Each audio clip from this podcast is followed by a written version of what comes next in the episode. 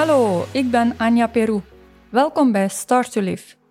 Dit is een podcast voor mensen die willen leven. Mensen die voluit bewust en bezield in het leven willen staan. Mensen die vooruit willen en niet bij de pakken willen blijven zitten als er uitdagingen op hun pad komen.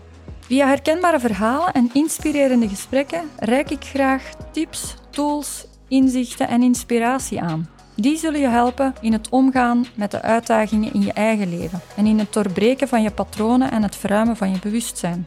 Want willen wij niet allemaal vrij en voluit in het leven kunnen staan en ervan genieten?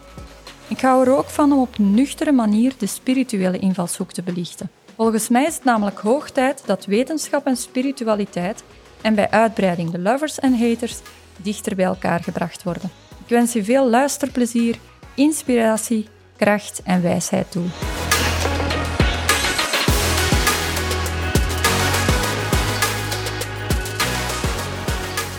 Hallo, welkom. In deze aflevering wil ik het hebben over bewust in het leven staan en wat dat, dat precies inhoudt. Ik kom regelmatig mensen tegen die over bewust leven spreken en mensen die denken dat ze, ja, die overtuigd zijn dat ze bewust in het leven staan, gewoon omdat ze met persoonlijke ontwikkeling bezig zijn en ja, dan zeer bewust in het leven lijken te staan of beweren te staan. En dan zijn er ook mensen die denken dat bezig zijn met bewustzijn, dat dat iets is voor geitenwolle sokkenbewegingen, zo voor mensen die met hun kop in de wolken hangen en die hun verstand niet echt gebruiken. Dus die groepering zie ik ook van mensen die naar bewust leven zo kijken als zijnde van dat is iets voor, uh, dat is voor iets, iets voor mensen met, met, een, met een bezemstil zo. En het midden is de waarheid. En ik wil eens even inzoomen op bewustzijn, omdat dat zo'n woord is dat nogal vanzelfsprekend in de mond genomen wordt. En dat ik mij afvraag van, dat mensen daar eigenlijk echt wel bij stil van wat dat, dat echt betekent en ja, wat dat, dat inhoudt. Dus daarom wil ik daar eens op ingaan en daar eens een keer op inzoomen. Bewustzijn heeft niks, maar dan ook echt niks te maken met intelligentie, met diploma's, met leeftijd. Dus uw ouderdom zegt niet hoe bewust of niet bewust dat je bent. Geeft een beetje een indicatie, maar er kunnen evenzeer mensen zijn op leeftijd die absoluut niet bewust met hun leven bezig zijn. Bewustzijn, wat houdt dat dan in? Wij komen als baby op deze wereld en wij zijn op dat moment 100% puur in bewustzijn. Een baby is 100% bewust van zijn behoeften, wat dat hij nodig heeft. En een baby is 100% bewust van wat er op dat moment moet gebeuren. Dus een baby die gaat op het moment dat hij voelt van nu wil ik huilen, dan gaat hij huilen. En die gaat zich er niks van aantrekken wat dat een ander daarvan vindt, die baby die huilt. Maar die baby is nog maar net op de wereld en het begint al. Die een baby die wordt gekneed naar passen in onze maatschappij. Dus die baby die komt op de wereld in 100% puur bewustzijn, zeer bewust van nu wil ik huilen, dus ik huil, of nu wil ik lachen, dus ik lach, en nu wil ik beginnen kruipen, dus ik begin te kruipen. Dat, is, dat, dat stroomt in flow vanuit die baby, of die volgt uh, die flow. En geleidelijk aan met het ouder worden, moeten wij binnen een maatschappelijk plaatje passen. En worden wij als baby, als kind, als jongvolwassenen, worden wij gekneed en moeten wij binnen de gemeenschap ons gedragen volgens die gemeenschap. En dat moet ook wel een beetje zo, hè? want als iedereen begint door het rood te rijden, ja, dan, hè, om, om samen te leven in een gemeenschap, moeten er wel afspraken en moeten er wel, moeten er wel bepaalde gedragsregels zijn. Dus dat hoort er nu bij. Als je in een gemeenschap, als je in een, in een samenleving leeft, dan hoort daarbij dat je bepaalde, ja, bepaalde afspraken volgt om in die samenleving te kunnen passen. Het voorbeeld van door het rood rijden is een heel eenvoudig voorbeeld dat zegt, als iedereen daar zijn voeten begint aan te vegen, dan gaat je wat zien.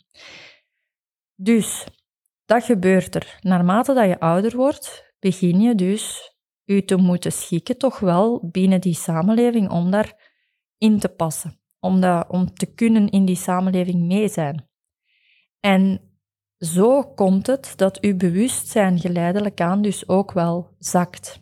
En tegen dat je 20 jaar bent, zit uw bewustzijn op het allerlaagste niveau. Uw bewustzijn zit tegen dan, rond uw twintigste, zit uw bewustzijn op ongeveer een 10% bewustzijn. Dus je komt van 100% als baby en tegen dat je 20 bent, zit je op ongeveer een 10% aan bewust in het leven staan. Want je wordt vooral gedreven door een carrière die je moet nastreven, door binnen de social media eigenlijk uh, passen, hè, een, een mooi leven hebben of, of passen binnen, binnen wat dat gewenst is. En je bent aan het streven naar dat wat dat iedereen, ja, wat dat iedereen aan het nastreven is. En zo ga je tot het laagste niveau van bewustzijn rond je twintigste zitten, omdat je in die maatschappelijke, dat, dat maatschappelijke plaatje wil passen.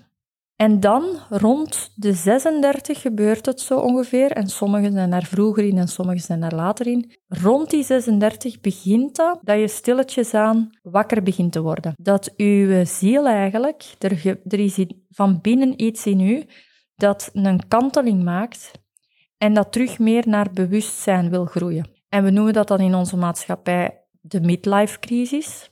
Maar eigenlijk is dat gewoon iets van binnen in u dat begint wakker te worden en dat begint stil te staan bij, wacht eens even. Die, uh, die carrière die ik aan het nastreven ben, word ik daar nu gelukkiger van? Is het dan nu? Die uh, grote villa dat ik aan het nastreven ben, die een dikke bak voor de, op mijn oprit dat ik wil hebben, word ik daar nu allemaal gelukkiger van? Is dat wat dat mij nu mij voldoening geeft in mijn leven? Daar begin je stilletjes aan op stil te staan. Of er gebeurt van alles dat u pijn doet in uw leven. Dat is hoe dat met mij gegaan was. Ik ben niet beginnen stilstaan op, ja, maar word ik daar nu gelukkiger van?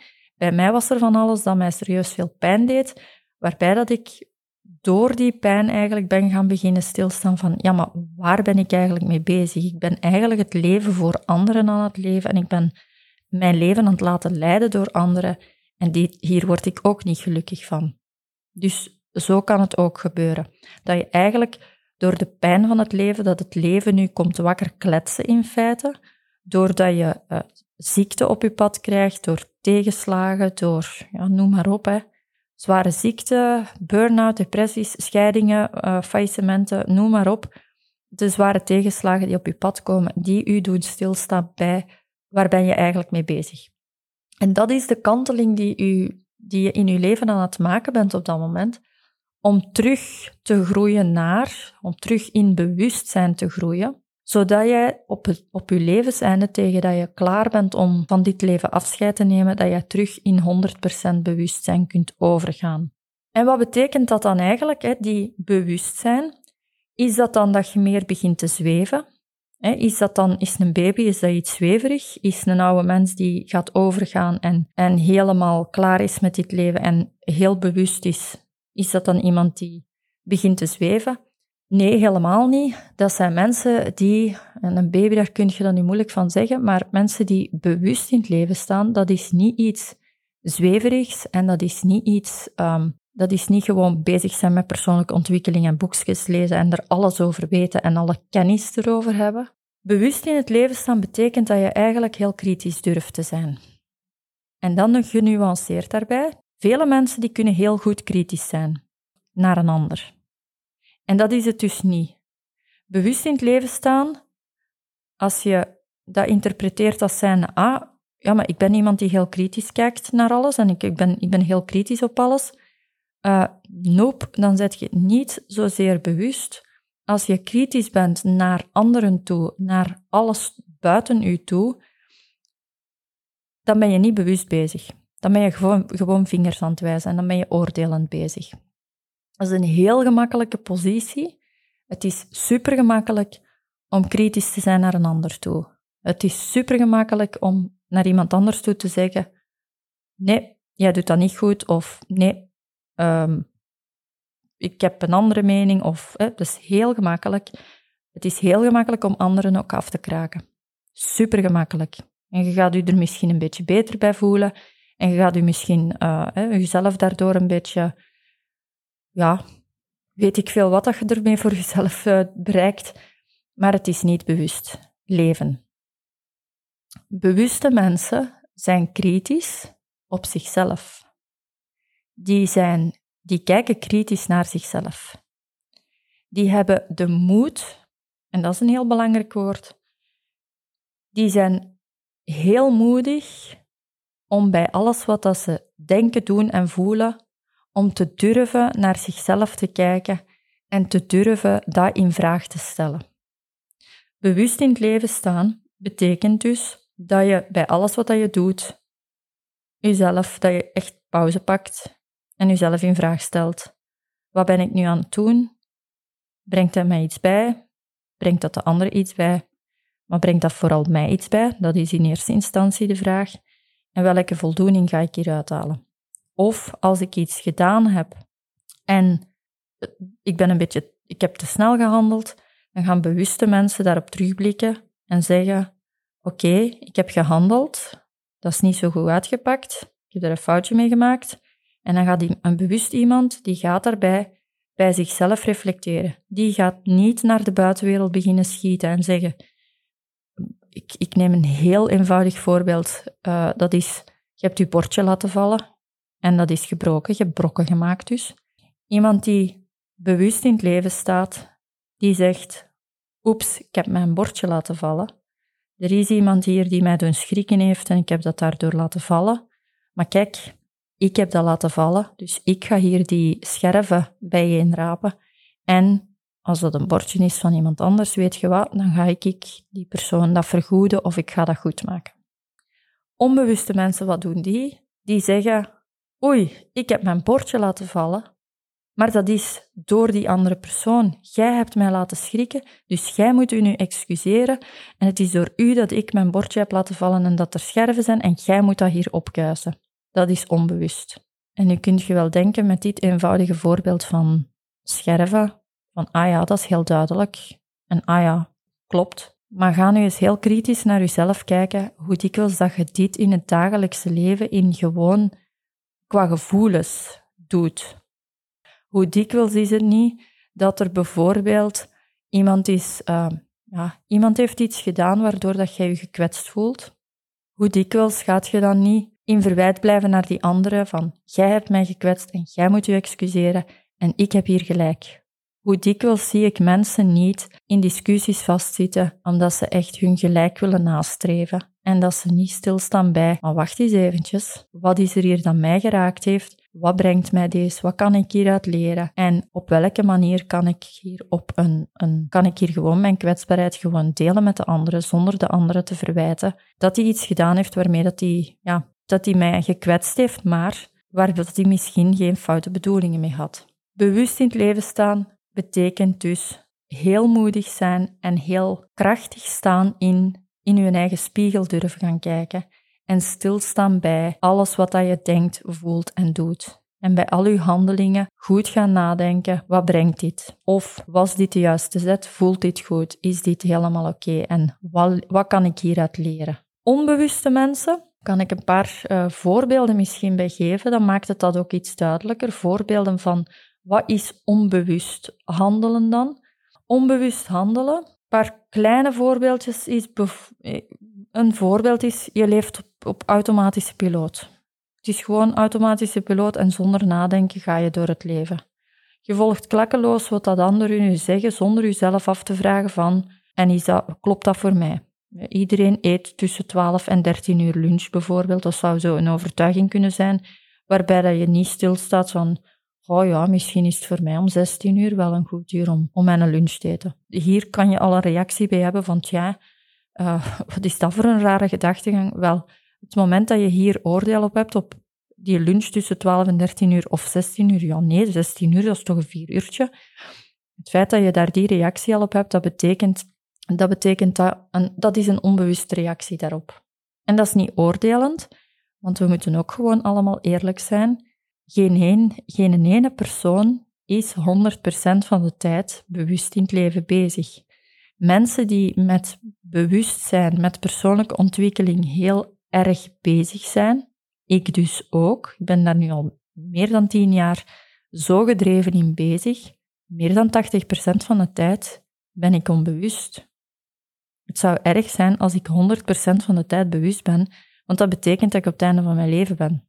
Ik wil niet een Dalai Lama zijn. Ik ben gewoon een mens. En een mens die leert vanuit onbewuste reacties, leert een mens ook te groeien in bewustzijn. Het is door onbewuste reacties dat je leert. Als je heel de tijd bewust bent, dan ben je niks meer aan het leren. En dan heeft het eigenlijk geen zin meer.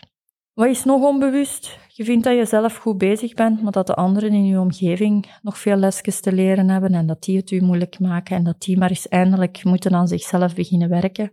Dan heb je eigenlijk zelf ook nog eens een keer goed stil te staan bij, ja, als je de vinger aan het wijzen bent naar anderen, dan moet je eens bij jezelf gaan stilstaan. Onbewuste mensen voelen zichzelf ook het slachtoffer van het gedrag van anderen.